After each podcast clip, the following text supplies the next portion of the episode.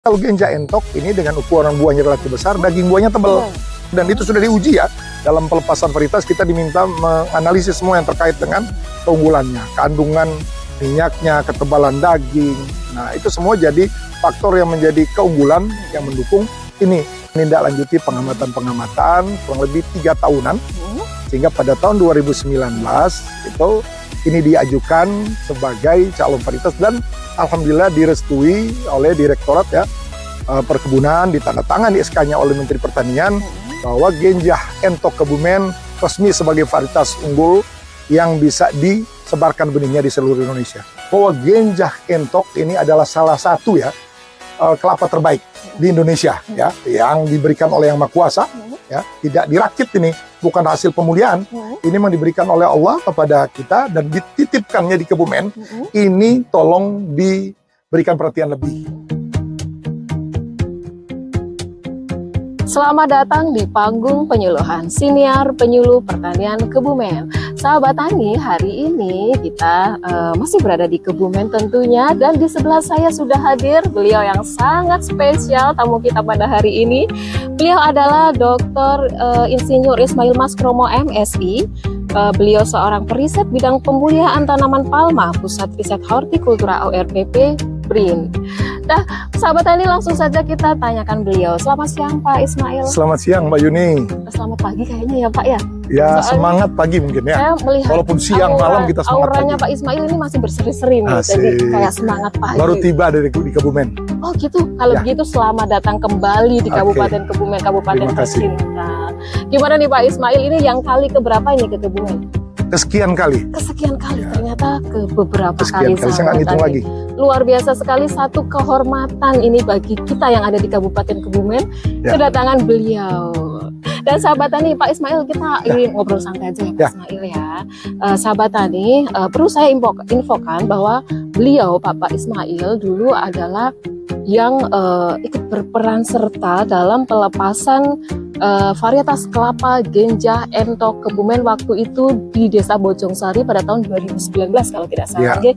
Nah, Pak Ismail, apa ini yang membuat Pak Ismail yang waktu itu sebagai kepala Balik Palma turun langsung ke Kebumen untuk ikut melepas kelapa genjah entok kebumen? Ya, kasih ini. Semangat sekali nih Mbak Yuni ini. Menangan saya pagi-pagi ya. Oke, okay, uh, eh, saya kira ini terima kasih nih ke teman-teman di Kebumen yang uh, berkenan untuk uh, mendapatkan informasi dari saya ya. Kaitannya dengan Ento Kebumen sebenarnya ini dimulai jauh sebelumnya ya. Di tahun 2016 ya.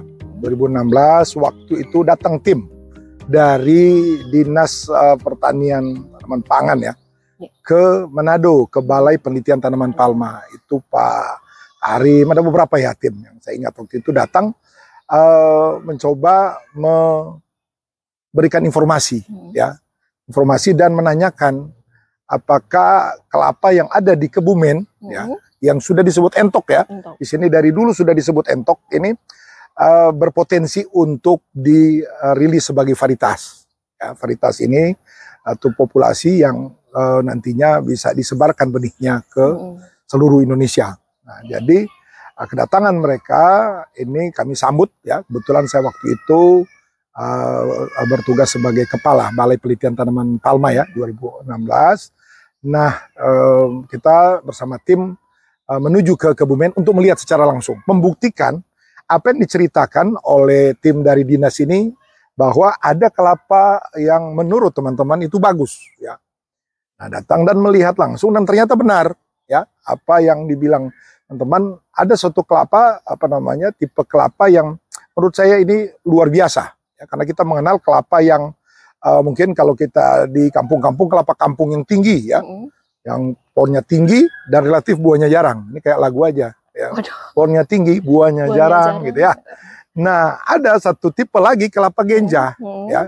Kalau tadi yang kelapa dalam pohonnya tinggi buahnya mm besar -hmm kemudian dicepat tambah tinggi. Kalau ada yang tipe genjah, mm-hmm. ya itu biasa ditanam di depan rumah. Pohonnya relatif uh, apa namanya cepat berbuah, mm-hmm. ya, makanya kalau lihat umumnya pendek ya mm-hmm. karena emang depan rumah. Nah buahnya kecil. Nah kalau ini genjah entok ini justru perkawinan secara ya bukan alami, ini pemberian yang maha kuasa. Yeah. Ini harus bersyukur.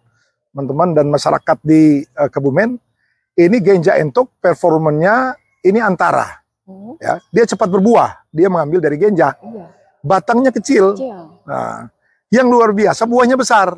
Nah ini ini saya kira yang yang diidam-idamkan oleh petani. Ini saya kira ini yang membuat kita bersemangat menindaklanjuti pengamatan-pengamatan kurang lebih tiga tahunan hmm. sehingga pada tahun 2019 itu ini diajukan sebagai calon varietas dan alhamdulillah direstui oleh direktorat ya uh, perkebunan ditandatangani SK-nya oleh Menteri Pertanian hmm. bahwa genjah entok kebumen resmi sebagai varietas unggul yang bisa disebarkan benihnya di seluruh Indonesia. Saya kira seperti itu, Mbak. Luar biasa sekali sahabat tani. Jadi sudah tidak diragukan lagi beliau sendiri yang menyampaikan bahwa kelapa genja entokobumen merupakan varietas yang diidam-idamkan oleh petani kita. Betul. Yang ada uh, yang tinggi tapi jarang berbuah, yang seperti lagu tadi ya. Pak Ismail. Nanti kita nyanyi ya Pak Ismail. Oh, boleh. Nah, ya. kelapa genja entokobumen lah ini yang uh, memberikan jawaban. Kelapa genja dengan buah yang Besar. sama seperti kelapa, kelapa dalam. dalam betul. Gitu. Nah, itu adalah salah satu keunggulannya. Kemudian keunggulan lain yang membedakan kelapa genjah entokebumen dengan kelapa lain ini apa lagi nih Pak Ismail? Baik Mbak Yuni. Jadi ya. uh, benar keunggulan tadi selain buahnya besar ya, ya saya kira pemanfaatannya ini bisa lebih luas. -hmm. Karena kalau kelapa genjah aja identik dengan pemanfaatan untuk kelapa muda. -hmm. Ya Uh, kemudian daging buahnya tipis kelapa genja itu. Nah, kalau kelapa genja umumnya, tapi kalau genja entok ini dengan ukuran buahnya relatif besar, daging buahnya tebal.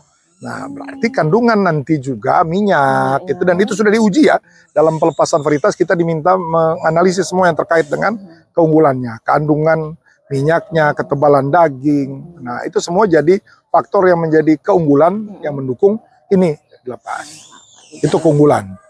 Nah, ada lagi yang menarik ya. dari Genja Entok gitu. Pada saat kita mengenalinya di lapang, hmm. ya, uh, semua kelapa itu punya ciri, tapi ada ciri umum saja. Tapi ini punya ciri khusus. Pada saat kita melihat kelapa Genja Entok di lapang, kita mudah mengenalinya dari hmm. performan pohon. Daunnya kalau kelapa biasa itu dia melengkung, melambai ya, gitu melambai ya. gitu ya, hmm. kayak nyur melambai gitu ya. ya. Ini agak sulit dia melambai, mbak. Oh, gitu. Karena dia agak, agak uh, apa namanya kaku, kaku gitu ya. Dan ini yang menjadi penciri pada saat kita melihat populasi mm -hmm. ada kelapa genja entok bercampur dengan kelapa lain, kita mudah mengenalinya. Ini oh, satu ini yang beda, menarik, ya, gitu. ya pembeda dari kelapa lainnya. Kelapa gitu. lain. Kemudian untuk uh, morfologi yang lain mungkin dari batangnya atau apa beda nggak nih Pak? Uh, secara ini batang tadi seperti saya bilang batang kecil. kelapa genja itu relatif kecil ya, ya, ya relatif kecil dan dari pangkal batang itu sampai ke atas dia lurus. Oh gitu. Nah, itu yang membedakan dengan kelapa dalam apa dalam itu ada Agak bagian yang besar nama istilah umum apa istilah khususnya hmm. bol gitu ya. Oh, gitu. Lihat batang besar. Kemudian kita bisa melihat juga kerapatan, kerapatan antar bekas daun. Nah, pelepahnya. Pelepah ini itu menunjukkan semakin rapat itu semakin apa menunjukkan bahwa dia lambat bertambah tinggi. Mm -hmm. Di kelapa dalam itu bisa bertambah kurang lebih satu meter mm -hmm. sampai 120 cm yeah. per tahun.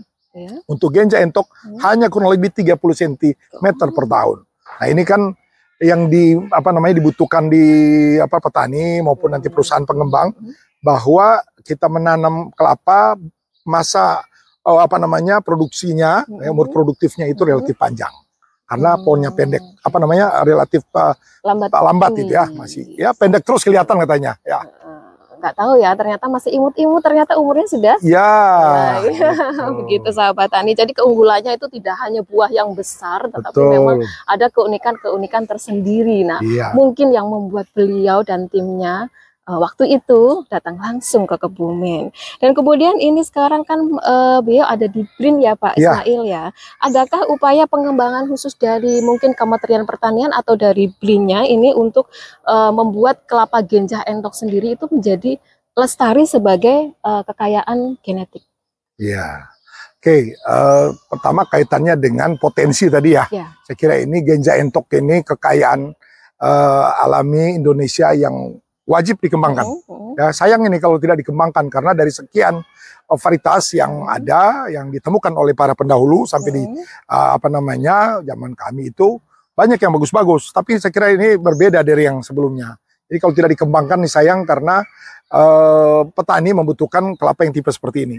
Nah, dari segi program saya kira kami sebelumnya waktu masih di Kementerian Pertanian dan sampai sekarang saya kira Kementerian Pertanian sekarang sudah ada namanya Badan Standarisasi Instrumen Pertanian ya BSIP ini punya program yang terkait dengan perbenihan hmm. ya saya kira uh, dari segi pengem apa namanya pengembangannya selain menstandar menstandarisasi ini uh, varietasnya dari benihnya nah ini ada program pengembangan yang mendukung uh, direktorat ya direktorat perkebunan yang punya program baik itu permajaan pengembangan saya kira pasti di Kementerian Pertanian ada program untuk uh, pengembangannya hmm. dari BRIN sendiri kami bertugas sebagai periset ya hmm. kami melakukan penelitian-penelitian riset-riset untuk memberikan nilai tambah ataupun uh, melakukan modifikasi-modifikasi untuk mendapatkan yang lebih baik ya ini ke depannya uh, selain dari segi pengelolaan budidayanya, peningkatan mutu genetik mungkin nanti kita akan kita lihat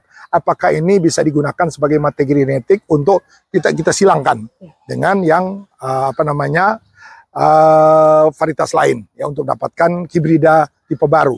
Tapi ada yang menarik, ini dalam tahun ini hmm. dari BRIN kita ada kegiatan penelitian hmm. untuk peningkatan mutu genetik dan mutu fisik dari benih. Hmm. Uh, benih kelapa genja entok ini karena uh, kita melihat di lapang salah satu kendalanya yaitu dia kecambahnya masih relatif rendah. Nah, melalui inovasi teknologi kita coba carikan uh, teknologinya teman-teman dari BRIN yang akan melakukan penelitian bekerjasama dengan penangkar dan dinas pertanian tanaman pangan di uh, Kebumen. Itu, Mbak. Ya, baiklah Mbak Ismail. Kemudian untuk uh, kami-kami yang ada di daerah, terutama untuk petani kita, petani kelapa, ya. dan petugas mungkin dari penyuluh pertaniannya, atau hmm. mungkin dari dinas pertanian dan pangan di Kabupaten Kebumen, pemerintah daerahnya, itu apa yang harus kita lakukan, Pak Oke, okay. saya kira ini uh, anu satu apa namanya uh, langkah yang ya banyak langkah yang bisa dilakukan ya. ya. Bukan itu langkah banyak langkah. Saya kira dari uh, pertama tentunya dinas ya, ya. yang menjadi uh, apa namanya kunci untuk uh, membantu para petani ya.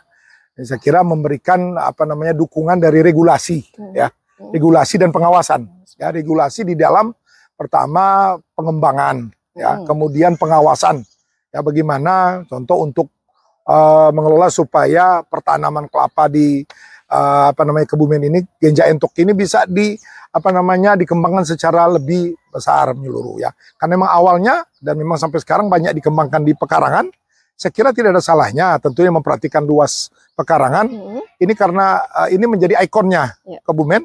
Jadi tanamlah di pekarangan-pekarangan yang memungkinkan dan aman dari rumah gitu ya. Kemudian sudah waktunya membangun kebun induk di sekitar hmm. ya kalau ada lahan setengah hektar, satu hmm. hektar kebun induk karena uh, petani sekarang ataupun mana pengembang mata banyak mata tertuju ke sini. Nah mau mencari benihnya kalau nggak ada gimana? Padahal hmm. identiknya dengan sini. Nah itu dari dinasnya. Dari petani, petani ini saya kira sudah harus juga menyadari ya bahwa ini potensi bisa dapat nilai ekonomi dari uh, kelapa ini.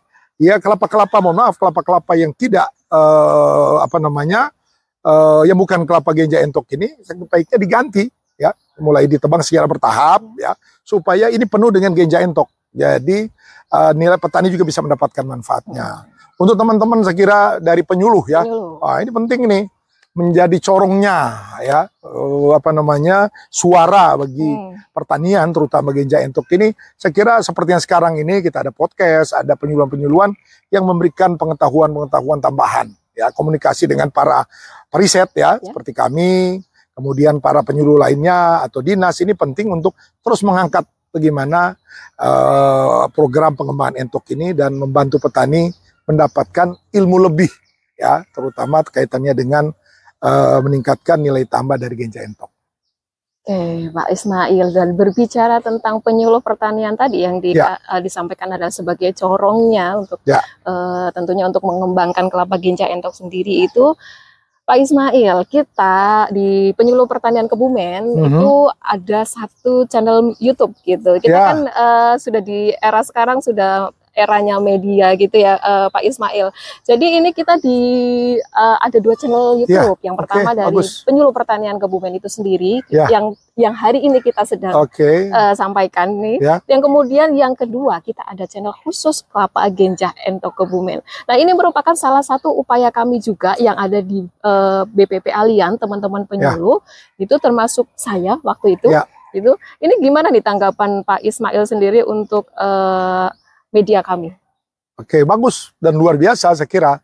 Ini merespon kondisi perubahan apa namanya komunikasi hmm. ya kalau dulu kita mohon maaf tetap mengandalkan media komunikasi langsung hmm. turun ke petani hmm. ya yeah. petani dengan kesibukan itu kan belum tentu kita ketemu ya kemudian daya tarik juga ya karena mungkin tidak semua uh, penyuluh ini bisa memberikan yang dimau oleh si petani, petani walaupun saya kira terus ditingkatkan kemampuan nah sekarang sudah berubah dengan media sosial yang petani semua saya kira sudah pegang uh, gadget ya sudah pegang uh, media komunikasi ini saya kira dengan YouTube ini luar biasa. Ya YouTube yang pertama ini tetap dilanjutkan saya kira ya dari teman-teman penyuluh ya yang kaitannya dengan uh, ini karena memang sasarannya ini untuk semua. Uh, kemudian uh, khusus Genja Entok ini karena memang uh, saya kira menarik dibuatkan khusus ya tadi YouTube-nya ya. ya kalau orang mau cari itu ya di situlah ya. tempatnya mau cari tahu. Makanya mungkin uh, ya kalau saran saya adalah bagaimana terus meng, apa namanya mengupdate ya informasi bagaimana terus mengimprove informasi-informasi yang dibutuhkan. Jadi saya kira uh, pendekatan ke petani ataupun ke lapangan mencari tahu apa yang menjadi permasalahan dari masyarakat yang mengembangkan gereja entok dan komunikasi dengan para stakeholder itu yang diangkat karena yang yang yang yang terbaru atau yang menarik itulah yang akan ditonton. Betul. Ya kan? Kalau tidak ya dilewatkan ya uh, oleh para apa namanya uh, pemirsa ataupun yang menonton uh, YouTube itu. Betul, terima kasih Pak Ismail. Kita jadi tambah semangat ini Pak Ismail. Oh harus semangat. Oke harus semangat dan nanti kita shoot lagi ya Pak Ismail. Boleh. Di sini kita untuk channel yang satunya karena kita Boleh. tidak akan pernah berhenti untuk menggaungkan uh, tentang kelapa genja entok kebumen ya, sampai ya. Uh, nanti mungkin go internasional ya. Pak Ismail. Seperti yang saya pakai hari ini, Woy. ini adalah kaos uh, kita desain sendiri khusus kelapa genja entok okay. kebumen Pak Ismail kayaknya Pak Ismail tertarik ini. iya, saya harus harus bawa satu anu ini kaos ini. Ya. Nah, nanti Bayu ini ikut ini mempromosikan nanti, di Manado, ikut mempromosikan saya ke mana-mana soalnya kan. Ya betul. Ya, kan? Ini nanti uh, tugasnya Mas Samsul beli. Oh iya, Mas Samsul harus ya, okay. Oke, harus respon ini ya. Nah, ini Mas Samsul nanti ya. Ya. Oke dan uh, selanjutnya Pak Ismail tadi mendengar penjelasan dari beliau bahwa kelapa genja ento kebumen kan sepertinya potensinya ini sangat luar biasa ya. sekali. Nah, ini untuk uh, harapannya dari Pak Ismail sebagai seorang peneliti sendiri ini untuk kelapa genja ento kebumen ke depannya gimana ini? Oke, jadi karena ini sudah pada tahap ya, kita sudah identifikasi, kemudian hmm. akhirnya kita rilis ya melalui pengamatan kurang lebih tiga tahun. Hmm. Sekarang sudah uh, apa namanya dikenal hmm. oleh masyarakat sudah banyak. Tapi saya kira perlu terus diperkenalkan ya, makanya media sosial menjadi salah satu uh, media untuk bisa memperkenalkan ke uh, apa namanya semua orang yang bisa kita jangkau. Tapi juga peningkatan tadi harapannya peningkatan kondisi perkelapaan Genja Entok di Kebumen karena maunya kita uh, Genja Entok ini benar-benar dikembangkan di sini karena ikonnya. Hmm. Ya, mohon maaf saya harus ingatkan jangan sampai ada daerah lain hmm. yang sudah lebih dulu mengembangkan ya kan sehingga Entok ini lebih ngetop di sana nanti hmm. karena uh, semakin dia menarik ini Genja Entok tertarik orang itu akan mencari benih semestinya di sini. Ya. Nah, harus perbanyak tanamannya. Saya kira tidak sulit. Benih bisa diperoleh, kemudian tapi tolong diperhatikan syarat-syarat untuk untuk mendapat mengembangkan itu benih bagaimana ya. Harus bisa memenuhi syarat uh, mutu genetik ya atau mutu fisik benih itulah yang dikembangkan. Kemudian juga ini penting petani masih melihat kelapa ini sebagai tanaman yang mandiri. Ya. Yang mandiri dalam arti tidak dia apa-apain dia juga berbuah Wah, ini sekali. ini bisa salah paham ini ya. Uh-uh. Ya kan, kalaupun istilahnya mereka salah kita paham. Oh. Ya, tapi yang benar itu adalah kelapa itu juga butuh perhatian, yeah. ya. Perhatian terutama kebutuhan air. Uh. Ya, ini ini penting ini. Uh, ada suatu, suatu periode mungkin kemarau cukup panjang sehingga uh, kita minum kelapa tidak minum. Yeah. Ya, bagaimana teknisnya? Saya kira coba ini ini yang pernah saya beritahu juga ke teman-teman di uh, Pati Jawa Tengah ya. Mm-hmm. Ada kelapa genja kopior di sana. Pada saat musim kemarau kita berbagi air ke kelapa. Mm-hmm. Jadi saya kira bekas-bekas air, air air sisa ya. Mm-hmm. Air sisa dari dapur ini ini teknik yang simple mm-hmm. tapi hindari yang sabun gitu ya. Oh, iya. Kemudian sisa-sisa itu bisa kita arahkan ke pohon-pohon karena ini kan ada di pekarangan mm-hmm. di sekitar. Jadi kita berbagi. Jadi bukan air minum yang kita yeah. bagikan tapi yeah. sisa kita pengelolaan air di rumah ya. gitu yang tidak beracun gitu kita bisa bagikan sehingga hmm. ada kesinambungan produksi ya, produksi dari si uh, genja entok ini buahnya. Kemudian juga karena kita panen cukup uh, rutin ya dari Hmm. kelapa itu Hmm. tidak ada musimnya kelapa ini kan Iya. Mbak Yuni. Heeh. Nah, semestinya ada perhatian juga kita berbagi ya kita panen 10 kita ambil satu atau dua butir ya. Dari dapatnya duit itu kita belikan pupuk Berikan, Bu. ya kan ya pupuk gimana cara caranya ya banyak tersedia kalaupun tidak ada pu- pupuk anorganik ada pupuk organik Organik. sudah banyak pilihannya itu diberikan juga Hmm. karena eh, tanaman itu butuh nutrisi. Ya jadi jangan hanya ambil hasilnya Ya. tetapi juga berikan makanannya kebutuhannya dia haknya tanaman genja entok diberikan. Dengan demikian ada peningkatan-peningkatan dan ini saya kira tugas dari dinas tugas dari penyuluh teman-teman di sini mengingatkan ini kepada petani. Jangan hanya berharap hasilnya tapi tidak memberikan apa namanya perhatian kepada si kelapa yang memberikan nilai ekonomi ke keluarga ataupun kita. Gitu, Nah, sahabat tani ingat pesan beliau ya, sahabat tani terutama yang petani kelapa, jangan eh, pelit-pelit kita berbagi kepada Iya. tanaman karena tanaman juga eh, seperti manusia juga but- butuh kasih sayang juga ya Pak Ismail Iya. ya. Butuh asupan nutrisi, butuh kasih sayang. Betul. Tidak harus yang seperti kita minum, tetapi eh, yang sisa kita juga. Iya, masih bisa apa-apa. dimanfaatkan. Dan tanaman sendiri itu kalau misal diperlakukan lebih eh, lebih ya dikasih pupuk, dikasih air, itu pastinya juga akan eh, memberikan timbal balik yang luar biasa. Oke, dan eh, ini kayaknya obrolan kita udah cukup lama nih Pak Ismail. Cukup ya. eh, sudah cukup agak mulai panas Nggak juga ini kita di order. Nanti kita lanjut di belakang aja Pak Ismail. Boleh. Dan ini untuk pertanyaan terakhir paling Ya. eh, adakah closing statement dari Pak Ismail atau pesan-pesan khusus untuk petani kelapa yang ada di Kebumen atau untuk di seluruh Indonesia aja deh? Oke. Jadi ini harus bisa dipahami ya, Ya. oleh para petani dan seluruh warga Kebumen Hmm. bahwa genjah entok ini adalah salah satu ya, Hmm. karena masih ada juga kelapa-kelapa lain dengan apa namanya kespesifikannya ya. Tapi menurut saya salah satu eh, kelapa terbaik di Indonesia Hmm. ya, yang diberikan oleh yang Maha Kuasa Hmm. ya, tidak dirakit ini, bukan hasil pemulihan. Hmm. Ini memang diberikan oleh Allah kepada kita dan dititipkannya di Kebumen Hmm. ini tolong diberikan perhatian lebih Mm-mm. gitu. Tadi dari segi tanaman yang sudah ada dipelihara, yang masih kosong tanah dan memungkinkan ya tidak bersaing dengan perumahan tentunya ya, Mm. itu ditanam sebanyak mungkin gitu ya Mm. karena postur tanamannya juga ini bisa jadi hiasan ya jadi Di tidak depan rumah depan bisa rumah ya. belakang rumah yang penting ya dalam rumah pun kalau mau bikin bonsai boleh ya kan di mana-mana ini kelapa bisa ada. Yang paling penting ini Hmm. teman-teman di Kebumen ini ya Hmm. kelapa selain ada di pekarangan, ada di kebun, ya, ada di apa namanya teman-teman. Yang paling penting ini Hmm. ada kelapa Kebumen harus tetap ada di Ada hati kita. orang Kebumen. Ya, Ya. kalau ada di hati orang Kebumen, ini Kebumen akan bangga dan terus mengembangkan kelapa genja entok untuk Indonesia. Indonesia tetap hanya Gitu. ada di hati teman-teman sahabat tani yang khususnya petani kelapa di Kabupaten Kebumen. Dan mungkin ini terakhir kita salam kelapa dulu kali. Pak Oke. Ismail. Eh, Ya. ya masih ingat Pak? Oh iya dong. kita bareng-bareng salam kelapa. Oke, salam kelapa. Ini ada artinya, Mbak. Oh iya, Ya kan? dulu boleh. Ada artinya, pertama, ini target kita kelapa ke depan ini Hah? harus di atas 5 juta hektar. 5 juta hektar. Nah, sekarang tinggal 3,7 hektar Ya, di ya, ya. Indonesia. Indonesia. Yang kedua, Mm-mm. ini tercapai. Salam kelapa ini 5, ini di bawah 5 tahun dia harus berbuah. Ini genja entok 2 tahun berbuah, Dua tahun, dua setengah tahun gitu ya. dua setengah Ismail? tahun. Yang ketiga adalah 5 ini adalah harga 5 ribu rupiah. Kayaknya terlampau ini harga 5 ribu Sudah rupiah lebih, untuk ini. Ismail. Sudah lebih. Ya Sudah kan lebih. 15 ribu Iya. kali ya. Oh boleh, boleh. 15 ribu semestinya. Nanti Bahkan tiga kali satu, dua, 50 tiga ribu. gitu. Nah, ada yang lebih menarik lagi. Kita tidak cukup dengan salam kelapa, Mbak. Apalagi Mbak? Ini, Pak. Mbak angkatlah tangannya, Mbak. Boleh? Kita balik gini, kita salam sayang untuk kelapa genja entok kebumen. Oh iya, oke. Ini salam sayang atau cuan ini Pak? Ah, cuan juga jadinya. Karena sayang kita jadi cuan. Jadi cuan. Dapatkan cuan dari genja entok kebumen. Oke, kita ulangi lagi. Salam kelapa. Salam kelapa, Sayalah kelapa, petani kelapa Indonesia. Terima kasih sekali Pak Ismail untuk Yuk. waktunya yang sudah disempatkan Sama-sama, untuk Mbak eh, teman-teman PPL atau penyuluh pertanian Kebumen dan tentunya ini sangat sangat sangat diperlukan oleh petani kita di eh, Indonesia terutama. Oke. Ya, sahabat tani, petani Indonesia berjaya, sejahtera, dan bahagia. Penyuluh pertanian Kebumen aktif, kreatif, inovatif. Saya Yuni Miarsi, terima kasih dan sampai jumpa.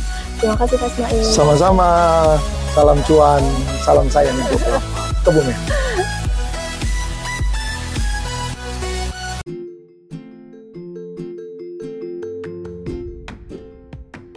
Panggung Penyuluhan, Siniar Penyuluh Pertanian Kebumen. Sahabat Tani, pada hari ini saya sedang berada di Desa Kedungweru, Kecamatan Ayah, Kabupaten Kebumen. Di samping saya Pak Rusmin, seorang ketua kelompok tani dari Desa Kedungweru. Dipersilahkan Pak Rusmin untuk memperkenalkan diri, monggo. Halo sahabat tani se-Indonesia. Perkenalan, nama saya Pak Rusmin dari kelompok tani Marsudi Perkasasana Desa Kedungru, Kecamatan Ayah, Kabupaten Kebumen. Terima kasih Pak Terima- luar biasa ya. Di siang hari ini kita bisa bertemu dalam keadaan sehat walafiat dan di belakang kami ini ada kebun kelengkeng. Sebelumnya sebelum ada kebun kelengkeng ini tanah ini seperti apa Pak? Waktu itu ini tanah desa dibuat lapangan, tapi karena di desa itu lapangan kan biasanya digunakan sewaktu-waktu aja. Iya. Padahal itu tanah milik desa luas. Maka dari itu ada pemikiran dari Pemdes pemerintahan desa ingin digunakan yang kira-kira berhasil untuk pendapatan desa. Akhirnya pemikiran itu diterapkan untuk dicoba menanam kelengkeng. Nah, setelah itu dari pemerintah desa menyuruh kepada kelompok tani saya untuk merawat. Alhamdulillah setelah berapa setelah ditanam itu saya merawat. Nah setelah berapa tahun ya awalnya itu sih emang ya susah mau belinya itu pohonnya masih kecil.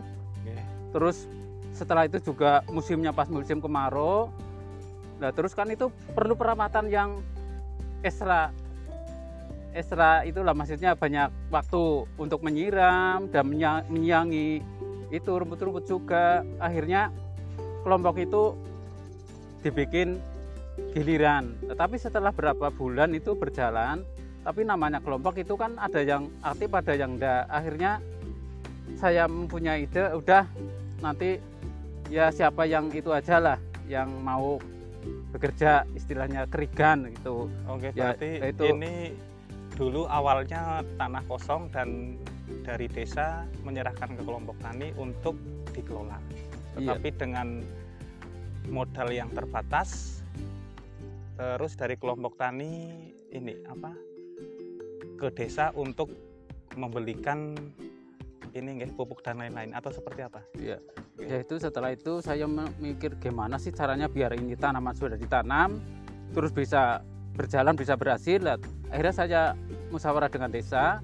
Kebetulan pas itu pas ada bumdes akhirnya itu diserahkan ke bumdes oleh desa. Nah itu setelah itu yang mengelola itu bumdes. Jadi masalah biaya pemupukan dan penyemprotan hama dan sebagainya itu yang yang berwenang ngasih biaya itu bumdes tapi tetap masalah pengelolaan teknisnya itu dari kelompok tani saya Oh, berarti ini milik BUMDes tetapi pengelolaan dari teknis budidayanya, dari pemupukan, terus perawatan dari kelompok tani nggih. Iya. Dan ini dulu ditanam berapa pohon Pak awalnya ini? awalnya itu 50 pohon tapi setelah ada pengembangan ini BUMDes itu ada saung dan kolam renang. Akhirnya itu yang 10 pohon itu di dipindah ke lahan yang lain.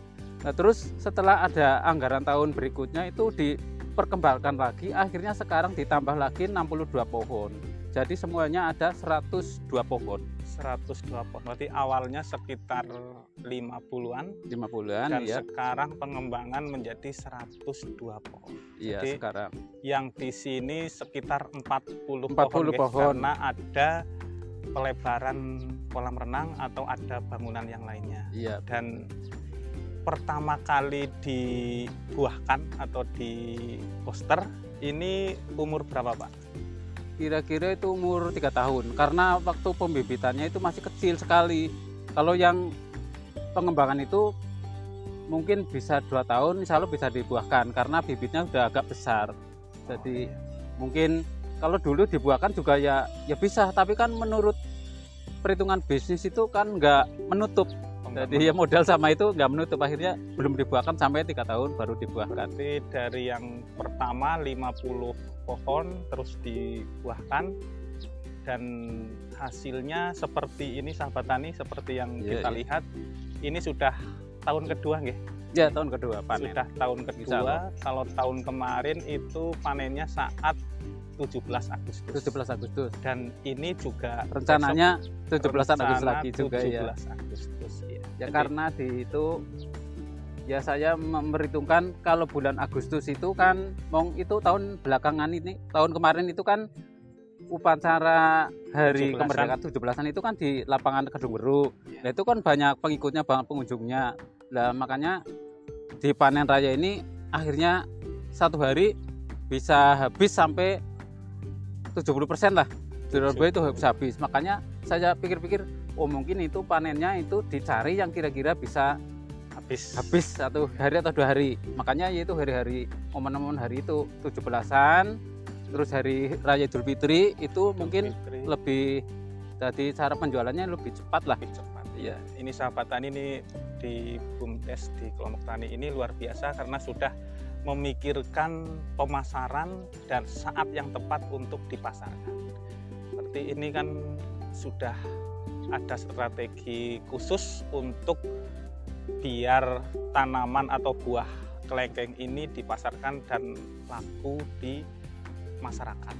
Dan ini besok rencananya tahun 17 Agustus nggih, ini iya betul, Mbak. sudah siap dipanen dan dari booster sampai dengan panen itu berapa bulan Pak? itu Sekitar. enam bulan Berarti sekitar enam bulan ini di poster sekitar Januari. Iya. Oh ya, Januari dan besok sebulan lagi ini insya Allah panen dan pas tanggal 17-annya upacaranya di Kedung Weru. Insya Allah di Gedung Weru lagi kata. Iya. Insya Allah dan desa Kedung Weru ini luar biasa bukan hanya kelengkeng tetapi di sekitar sini itu ada peternakan kambing kambing. terus ada embungnya juga ada ikannya ya ada ikannya itu nila. Ada ikan nila dan sama gerame. ada saung desonya Iya. itu milik bumdes dan ada sedang dibangun kolam renang untuk nantinya untuk olahraga siswa-siswi di sekitar kecamatan Ayah.